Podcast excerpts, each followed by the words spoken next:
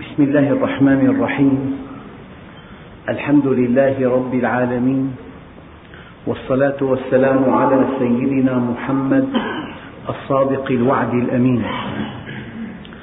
اللهم لا علم لنا إلا ما علمتنا إنك أنت العليم الحكيم. اللهم علمنا ما ينفعنا وانفعنا بما علمتنا وزدنا علما.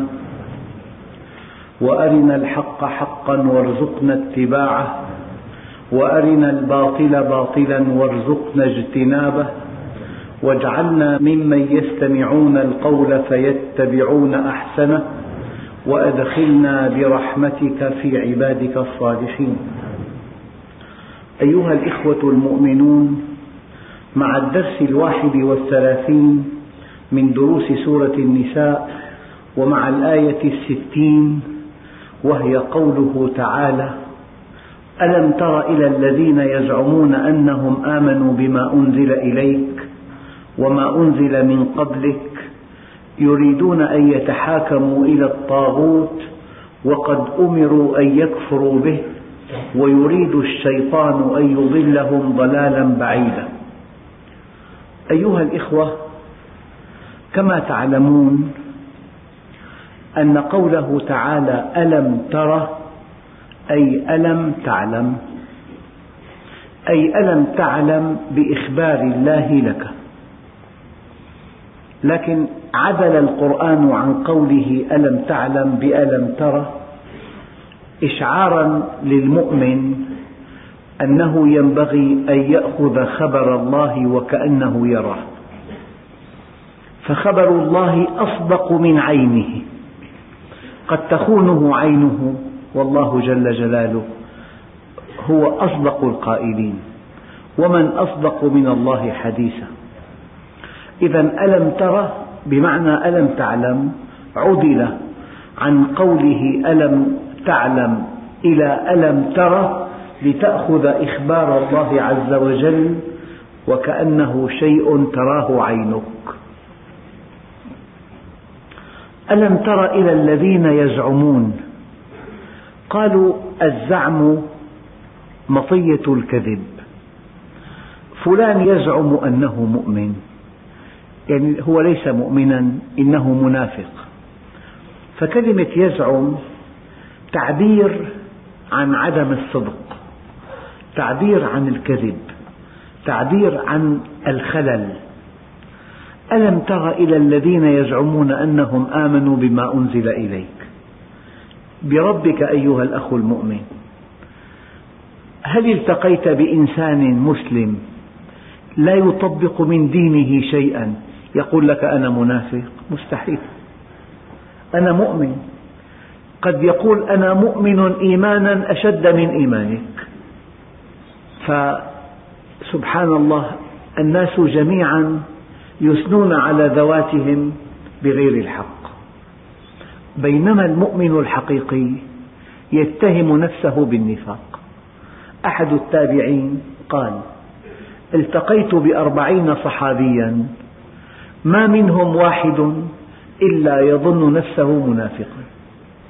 حتى إن عمر بن الخطاب الخليفة الراشد التقى بسيدنا حذيفة ابن اليمان وكان أمير سر رسول الله. قال يا حذيفة بالله عليك اسمي مع المنافقين. فعلامة المؤمن أنه يتهم نفسه بالنفاق وعلامة المنافق أنه يزعم أنه مؤمن. وكلما تواضعت لله رفعك وكلما اتهمت نفسك فأنت أرقى عند الله. لا تستجب لنزوات النفس في أن تعلو على الناس. لا تحكم على نفسك. دع الله عز وجل يحكم عليك. لأن الذين يزكون أنفسهم يرتكبون معصية بل الله يزكي من يشاء ولا تظلمون فتيلا. لو أنك مخلص لو أنك مستقيم لو أنك محسن الله جل جلاله يرفع لك ذكرك يرفع لك شأنك يلقي محبتك في قلوب الخلق يجعل ألسنة الخلق تلهج بمديحك. دون أن تريد ذلك أنت. أيها الإخوة ما منا واحد إلا وفيه دوافع ثلاث دافع إلى الطعام والشراب ليحفظ وجوده دون أن يشعر ودافع إلى الجنس ليحفظ النوع عن طريق هذا الدافع ودافع إلى العلو دافع إلى تأكيد الذات دافع إلى تأكيد الأهمية. الدافع الثالث خطير جدا. ولأن الإنسان مخير إذا كل دوافعه حيادية بمعنى أنه يمكن أن تروي الدافع الثالث دافع تأكيد الذات تأكيد الذكر دافع التفوق عن طريق الإيمان بالله وطاعته.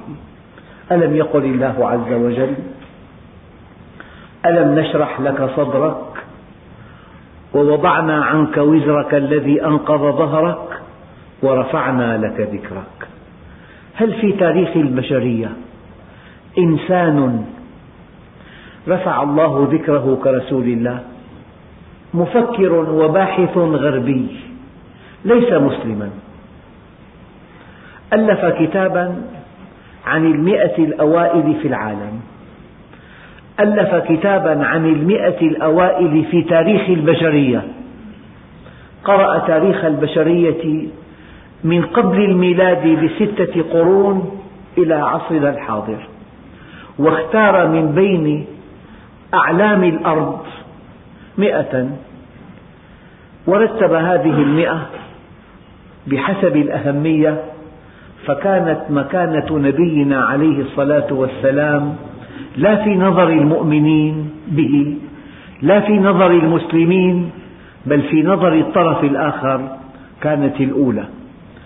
جعله على رأس المئة الأوائل في العالم واعتمد عدة مقاييس. المقياس الأول الذي اعتمد عليه قوة التأثير.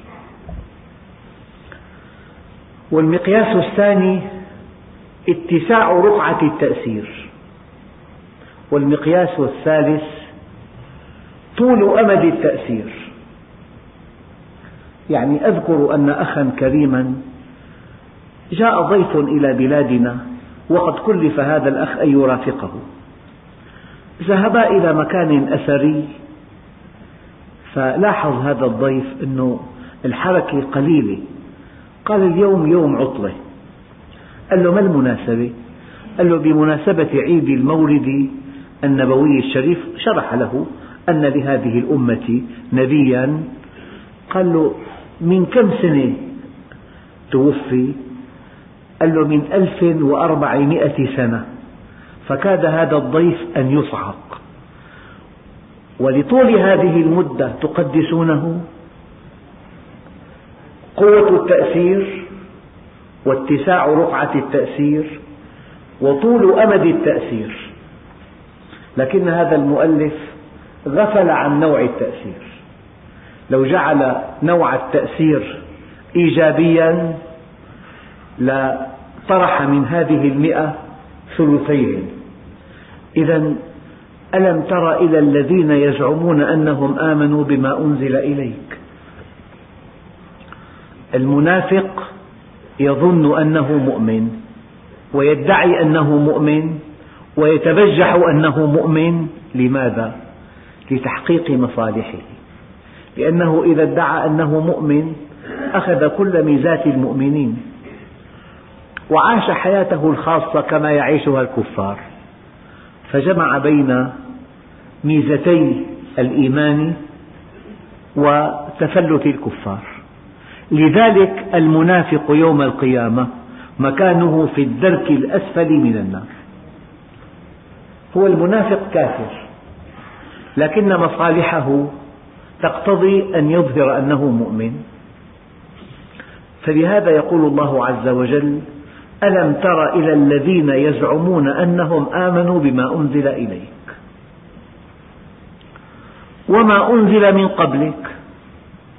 طبعا الأنبياء جميعا دعوتهم واحدة.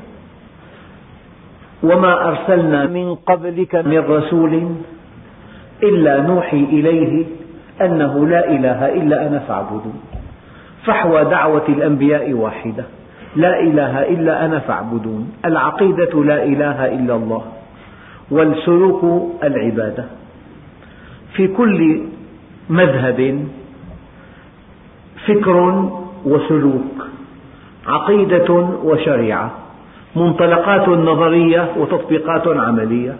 لا إله إلا أنا العقيدة. التوحيد. وما من وقت في تاريخ المسلمين نحن في أمس الحاجة إلى التوحيد كهذا الوقت. لأن زعماء الكفر يخيفون الأرض كلها يتهددون يتوعدون يرسلون صيحاتهم وزمجرتهم كل يوم. ما الذي يقينا من بأسهم أن نوحد الله؟ ألا نرى مع الله أحدا ألا نرى مع الله إلها آخر. وقضى ربك ألا تعبدوا إلا إياه. الحقيقة في عنا قاعدة في القرآن الكريم أن خصوص السبب لا يلغي عموم القصد لا يعقل ولا يقبل أن يتحدث القرآن عن قصة بعينها ليس غير وقعت في عهد رسول الله. ليس القرآن كتاب تاريخ. ولكنه كتاب هداية. ففي عهد رسول الله صلى الله عليه وسلم رجل منافق اسمه بشر. اختلف مع يهودي. يبدو أن اليهودي كان على حق في موضوع الخلاف. فطلب اليهودي أن يحتكما إلى رسول الله. على أنه لم يؤمن به لكنه يعتقد أنه يعدل إذا حكم. لأن النبي عليه الصلاة والسلام حينما أرسل عبد الله بن رواحة إلى خيبر ليقيم تمر اليهود تنفيذا لاتفاق بينهم وبين رسول الله أرادوا أن يغروه بحلي نسائهم كي يخفض قيمة التمر. يعني أرادوا أن يرشوه. فقال والله جئتكم من عند أحب الخلق إلي. من عند محمد بن عبد الله رسول الله. ولأنتم عندي أبغض من القردة والخنازير. ومع ذلك لن أحيف عليكم. فقال اليهود بهذا قامت السماوات والأرض وبهذا غلبتمونا. وإن أردنا أن نستفيد من هذا القول لا يمكن أن نغلبهم إلا إذا كنا على حق. ولا يجرمنكم شنآن قوم على ألا تعدلوا. اعدلوا. اعدل ولو مع الكافر. ولو مع عابد الصنم. اعدلوا هو أقرب للتقوى. من هنا قال بعض العلماء إن الله ينصر الدولة الكافرة العادلة على الدولة المسلمة الظالمة. من هنا قال بعض العلماء الدنيا تصلح بالكفر والعدل ولا تصلح بالإيمان والظلم. الظلم أيها الإخوة ظلمات يوم القيامة. الظلم ظلمات يوم القيامة. عد للمليار قبل أن تظلم إنسانا. لأنك إن ظلمته سقطت من عين الله. ولن يجدي دعاؤك إطلاقا. فهذا اليهودي في موضوع الخلاف مع بشر كان على حق.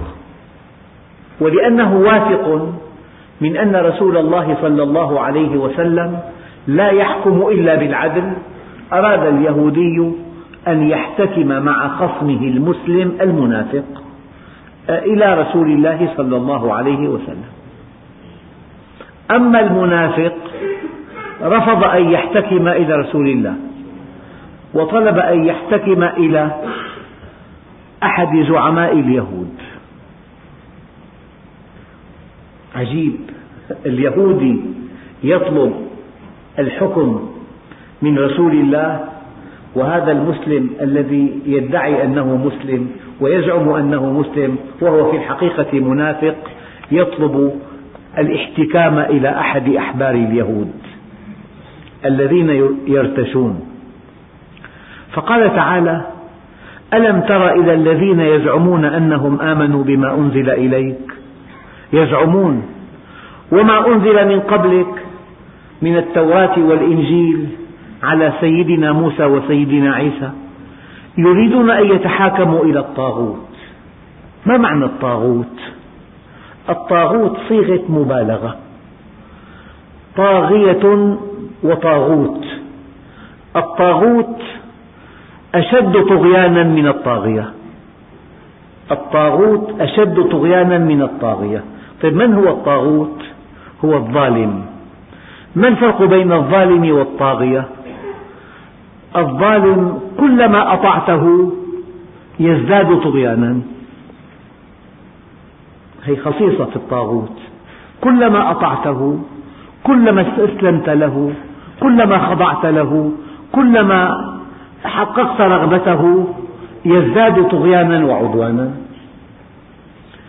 بدليل قول الله تعالى فاستخف قومه فأطاعوه إنهم كانوا قوما فاسقين. لا يستطيع الطاغية أن يطغى إلا على الفسقة. فاستخف قومه فأطاعوه إنهم كانوا قوما فاسقين. فالطاغية هو الظالم.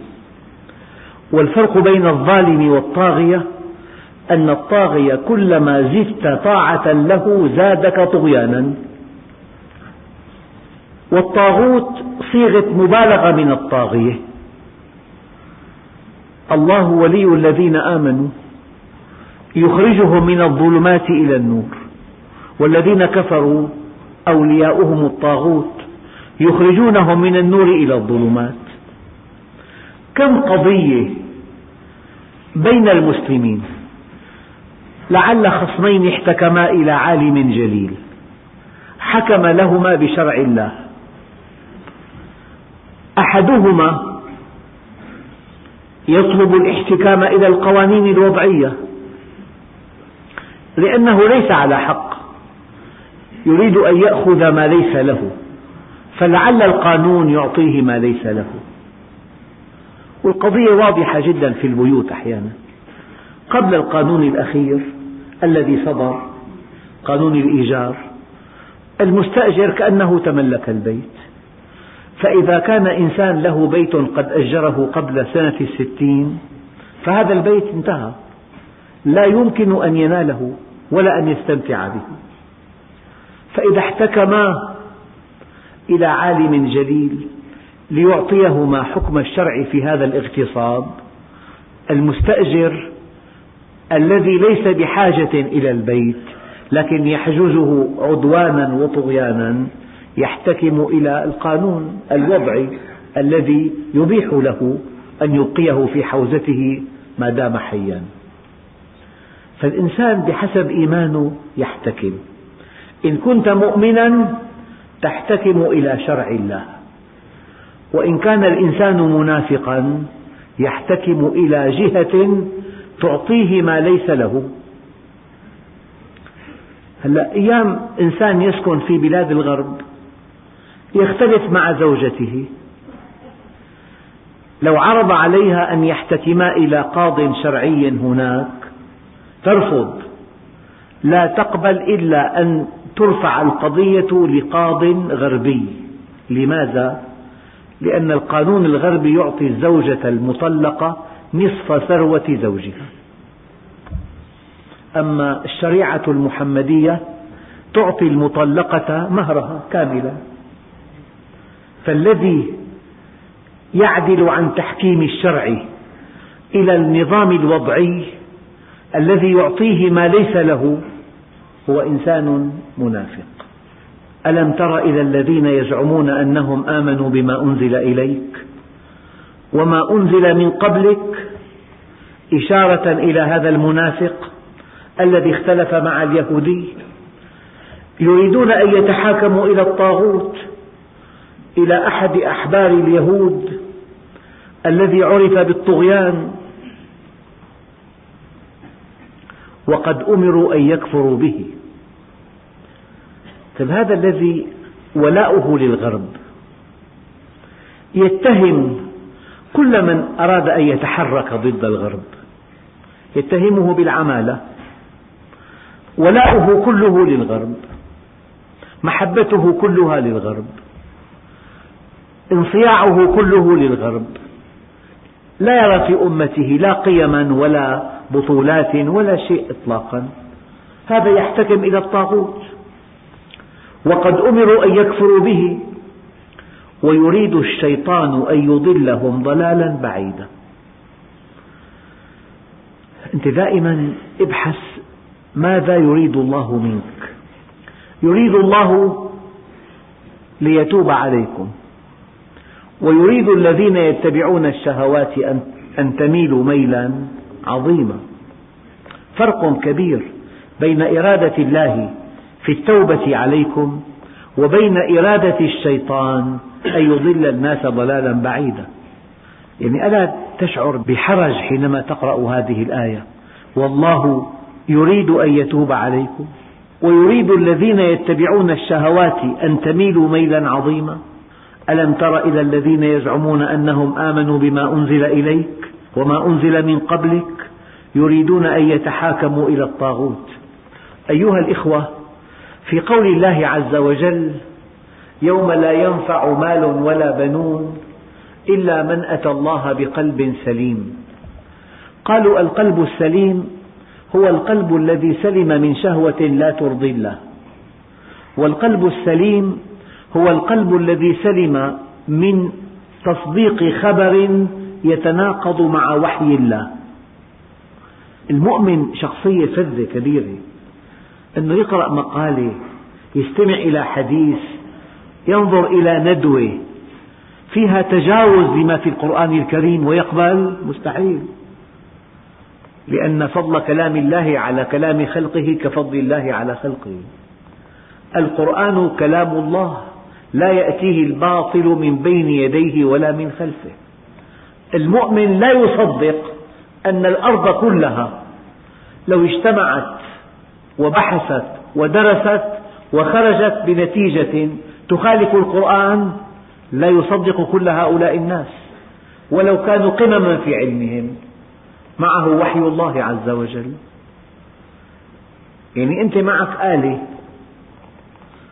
قد تفتح هذه الآلة وقد تعبث بجزئياتها وقد تستنبط بعض المعلومات من العبث بجزئياتها. وقد تصل إلى بعض الحقائق أو إلى بعض الأوهام.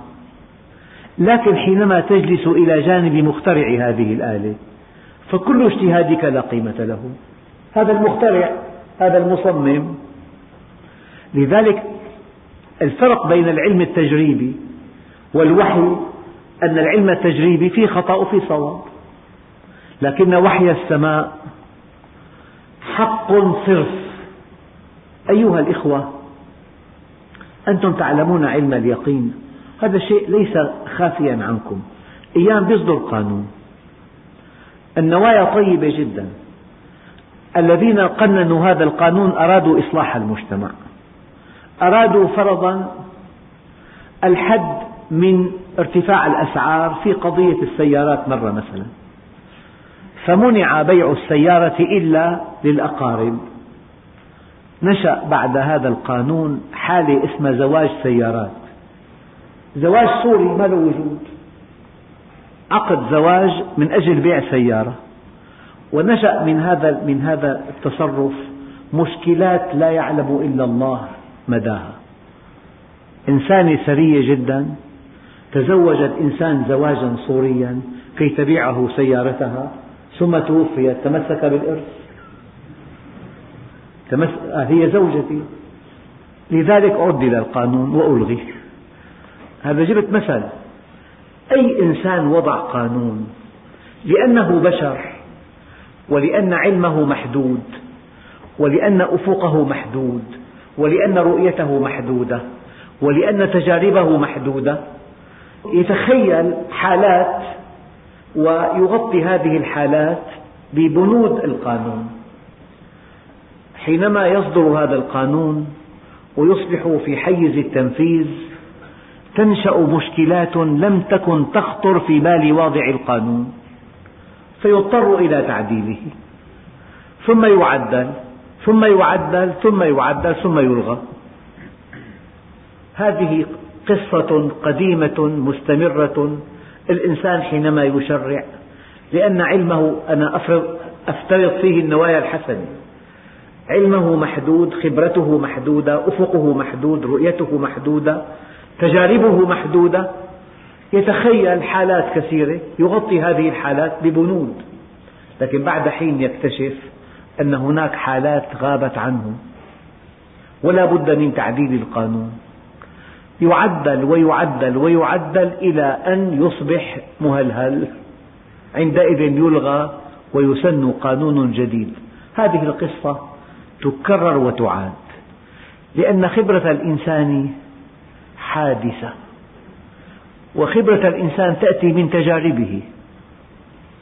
لكن قانون الله عز وجل أساسه أن خبرة الله قديمة. لو ابتعدتم عن القضايا المعنوية هل أنت انظر إلى مركبة صنعت عام 1900 تصورها البوق على الهواء باليد. الإضاءة بالكبريت فانوس. التشغيل من أمام السيارة. طيب انظر إلى مركبة حديثة جدا 2002 في فرق كبير جدا. طيب من أين جاء هذا الفرق؟ لأن خبرة الإنسان حادثة. كل عام بيطور بيبدل بيحسن. والآن أحدث سيارة بعد خمس سنوات سوف تشاهدون تطويرات لم تكن في الحسبان. لأن الإنسان خبرته حادثة. أما انظر إلى جسم الإنسان. في عندك إنسان موديل 1900 فرضا؟ بإيد واحدة فرضا. في موديل معدل مطور إف إس؟ كله مثل بعض. منذ أن خلق الله آدم عليه السلام خلقه خلقا كاملا. لأن خبرة الله قديمة. خبرته قديمة وتشريعه قديم. لذلك العلماء قالوا الحسن ما حسنه الشرع والقبيح ما قبحه الشرع. الشيء اللي الله عز وجل حرمه سيء جدا. سيء جدا إلى أبعد الحدود. مهما زينته.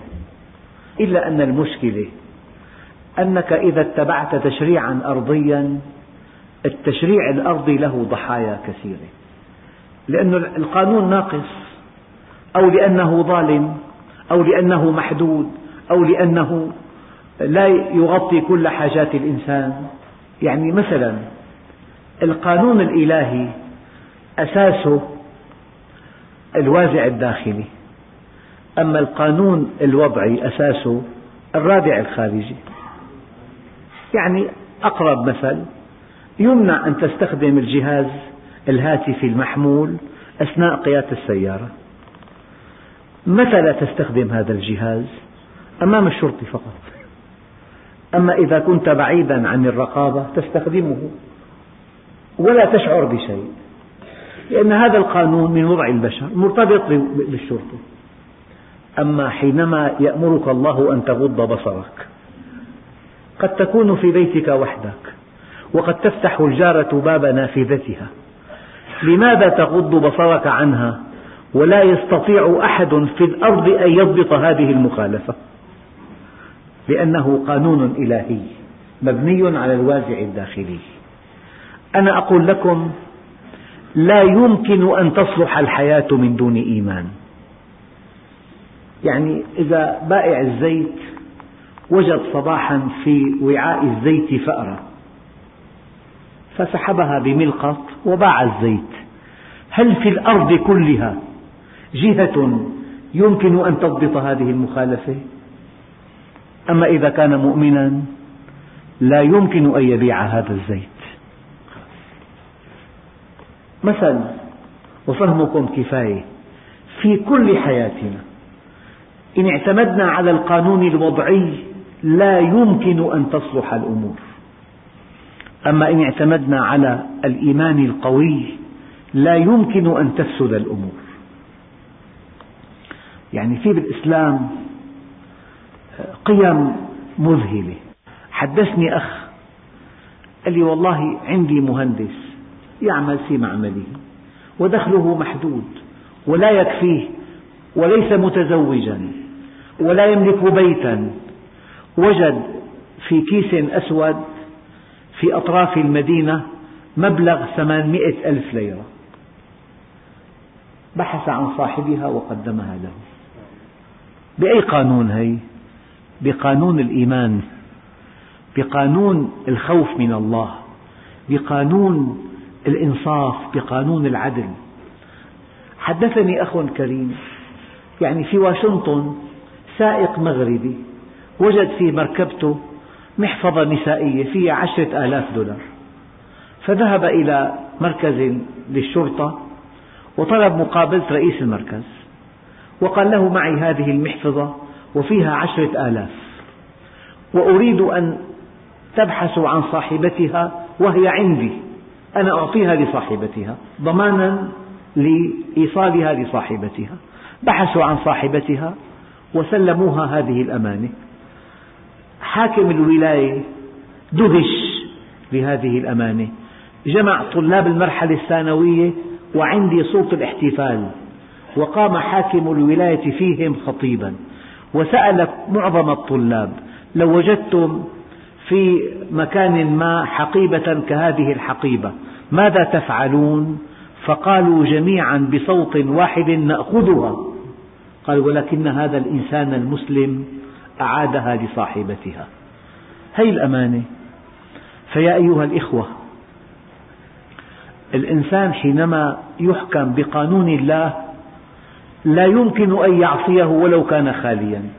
يعني في أيام الصيف الحارة خمسين الدرجة وكان في رمضان وأنت صائم وأول يوم وصلت إلى أذان العصر فكدت أن تفقد حياتك ودخلت إلى بيتك وفتحت صنبور الماء البارد هل تستطيع أن تلعق قطرة ماء؟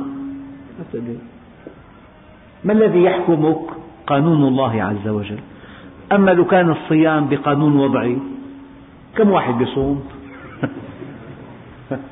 طبعا ما أحد يشرب في الطريق أما كم إنسان بيصوم في بيته ولا واحد يعني كأنني بهذا التعليق أردت أن أبين الفرق الكبير بين القانون الإلهي من عند الخبير من عند الحكيم من عند العليم من عند الرحيم من عند المطلع من عند السميع البصير الخبير. والله خبرته قديمة وكلامه حق والوحي مطلق في خيريته. وبين إنسان ولو كان حسن النية بحسب رؤيته المحدودة وعلمه المحدود وخبرته المحدودة. يقنن ثم يكتشف أنه في أخطاء كثيرة جدا ثم يعدل. إذا النظام الوضعي له ضحايا كثيرة جدا. أما النظام الإلهي كله خير. قال وقد أمروا أن يكفروا به ويريد الشيطان أن يضلهم ضلالا بعيدا. يعني مثلا في بلاد الصين. طبعا في نمو سكاني كبير جدا. وضعوا قانون من صنع البشر.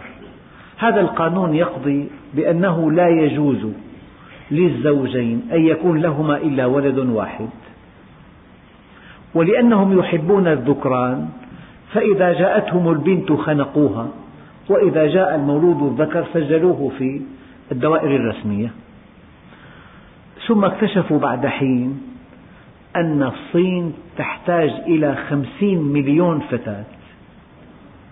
ثم أنشئت عصابات لخطف الفتيات لشدة الحاجة إليهن لأنهم غيروا قانون الله عز وجل. الآن في قوانين تصدر في الصين عجيبة. يعني ممنوع أن تبحث في مستشفى عن نوع المولود ذكرا كان أو أنثى. يعني في تجديدات شديدة جدا. أما الآن القضية الأولى أن الصين تعاني نقصا حادا في الفتيات. إذا هناك عصابات تخطف الفتيات لأن قانون إلزام الناس بمولود واحد قاد الناس إلى أن يقتل الفتاة وأن يبقي الشاب. هي من آثار القوانين الوضعية. قانون ببلد آخر صدر تقليدا للغرب. أن المرأة المطلقة تنال نصف ثروة زوجها.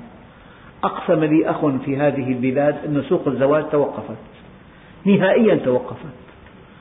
صار الأب مضطر أن يأتي إلى والد الشاب الذي يزمع أن يخطب ابنته. يعطيه سند بالملايين سند أمانة إن طالبناك بنصف ثروتك طالبنا بهذا السند. لكن تعال تزوج. تعديل طفيف في قانون الزواج ألغى الزواج كله. فهذا القانون الإلهي من عند الخبير. يعني في خيرات لا يعلمها إلا الله ناتجة عن هذا القانون. وإذا قيل لهم تعالوا إلى ما أنزل الله وإلى الرسول رأيت المنافقين يصدون عنك صدودا. والآن المنافق يكره أن تفسر ما حدث تفسير إلهي تفسير توحيدي. الذي حدث له تفسير أرضي شركي وله تفسير سماوي توحيدي. المنافق يرفض أن الذي حدث هو خير. يرفض أن الذي حدث هو بسبب تقصير المسلمين. أي تفسير توحيدي قرآني سماوي مرفوض عند المنافق. وأي تفسير أرضي شركي مادي مقبول عند المنافق. وإذا قيل لهم تعالوا إلى ما أنزل الله وإلى الرسول رأيت المنافقين يصدون عنك صدودا. فكيف إذا أصابتهم مصيبة بما قدمت أيديهم ثم جاءوك يحلفون بالله إن أردنا إلا إحسانا وتوفيقا. يعني الله عز وجل لم يفضحهم أولا. لماذا؟ لأن المنافق على نوعين. في منافق أساسه كافر لكنه غطى كفره بالنفاق. وفي منافق أساسه ضعيف اليقين بالله عز وجل عنده شبهات وشهوات. هذا المنافق يرجى له أن يكون مؤمنا في المستقبل. لذلك من حكمة الله عز وجل أنه ما فضحهم بل أعطى أسماءهم لسيدنا حذيفة. من هنا جاء سيدنا عمر سأل سيدنا حذيفة بربك اسمي مع المنافقين. فالمنافق الكافر هذا لا يرجى إيمانه. وأغلب الظن الله عز وجل يفضحه في المستقبل.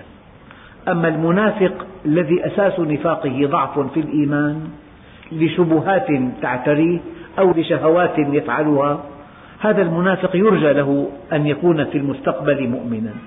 لذلك حينما يكشف حال المنافقين أحيانا يسارعون إلى رسول الله ليتبرأوا من النفاق. فكيف إذا أصابتهم مصيبة بما قدمت أيديهم ثم جاءوك يحلفون بالله إن أردنا إلا إحسانا وتوفيقا؟ طيب لماذا احتكمتم إلى هذا اليهودي؟ فكان جوابهم أردنا أن نريحك يا رسول الله أردنا ألا نتعبك ألا نشغلك بمشكلاتنا. فالنبي عليه الصلاة والسلام قبل منهم ذلك ولم يفضحهم والتوجيه الدقيق إن لقيت إنسان مقصر أو متلبس بمعصية إيمانه ضعيف انضباطه ضعيف لست مكلفا أن تفضحه على الملأ. هذا العمل لا يرضي الله أبدا. أنت مكلف أن تنصحه فيما بينك وبينه. لأن قلقه من أن يفتضح هذا يعني أنه فيه بقية خير. قلقه أن يفتضح يعني أن فيه بقية خير. لذلك لا ينبغي أن تفضحه. فحينما تأتيهم مصيبة وهذه المصيبة كأن الله حذرهم بها وكشف نفاقهم قال بما قدمت أيديهم ثم جاءوك يحلفون بالله إن أردنا إلا إحسانا وتوفيقا. أولئك الذين يعلم الله ما في قلوبهم فأعرض عنهم وعظهم وقل لهم في أنفسهم قولا بليغا. يعني قل لهم في أنفسهم قولا يبلغ أعماق قلوبهم وخفايا عقولهم لكن بينك وبينهم دون أن تفضحهم. قل لهم في أنفسهم قولا بليغا. أعرض عنهم إشعارا لهم أنك تعلمهم. إذا في اهتمام وفي مودة بالغة مع المنافق يظن حاله على حق هو. يظن حاله احتال عليك. لا أعرض عنهم إشعارا لهم أنك تعلم نفاقهم. ثم عظهم بين لهم الحق. ثم قل لهم في أنفسهم قولا بليغا يصل إلى قرارة نفوسهم. أيها الإخوة الكرام ألم تر إلى الذين يزعمون أنهم آمنوا بما أنزل إليك وما أنزل من قبلك يريدون أن يتحاكموا إلى الطاغوت وقد أمروا أن يكفروا به ويريد الشيطان أن يضلهم ضلالا بعيدا وإذا قيل لهم تعالوا إلى ما أنزل الله وإلى الرسول رأيت المنافقين يصدون عنك صدودا فكيف إذا أصابتهم مصيبة بما قدمت أيديهم ثم جاءوك يحلفون بالله إن أردنا إلا إحسانا وتوفيقا؟ أولئك الذين يعلم الله ما في قلوبهم فأعرض عنهم وعظهم وقل لهم في أنفسهم قولا بليغا. كلمة أخيرة لحكمة بالغة بالغة في أشياء مشتركة بين القانون الإلهي والقانون الوضعي. فالإنسان إن لم يسرق لعله يخاف الله أو لعله يخاف القانون. إذا أنت بمؤسسة فيها ضبط شديد مراقبة شديدة فيها نظام محاسبي دقيق جدا وإذا كان آه، اختلس الإنسان شيء يفتضح ويحاكم وتكف يده وتصادر أمواله. فأنت بهذه الحال لا تسرق. الله وحده يعلم لماذا لم تسرق. خوفا من الله أو خوفا من القانون. لكن ما من تشريع أرضي على الإطلاق فيه أمر بغض البصر. فأنت حينما تغض بصرك تخاف ممن؟ لا تخاف إلا من الله. فغض بصرك دليل أنك تخاف الله. هذه العبادة هي عبادة الإخلاص. صيامك في البيت دليل خوفك من الله. فالله عز وجل في بعض الأوامر ينفرد بها الدين والقوانين الوضعية لا تشترك معه بها إطلاقا. فلذلك تكشف نفسك أنت من صلاة قيام الليل من غض البصر من إنفاق المال دون أن أن تبوح بهذا الإنفاق من صيام النفل. في عندك عبادات كثيرة تفعلها ولا أحد يلزمك بها. ولا أحد يطلع عليها إلا الله. فهذه العبادات يمكن أن تؤكد لك إيمانك بالله وطاعتك له وحبك له. والحمد لله رب العالمين.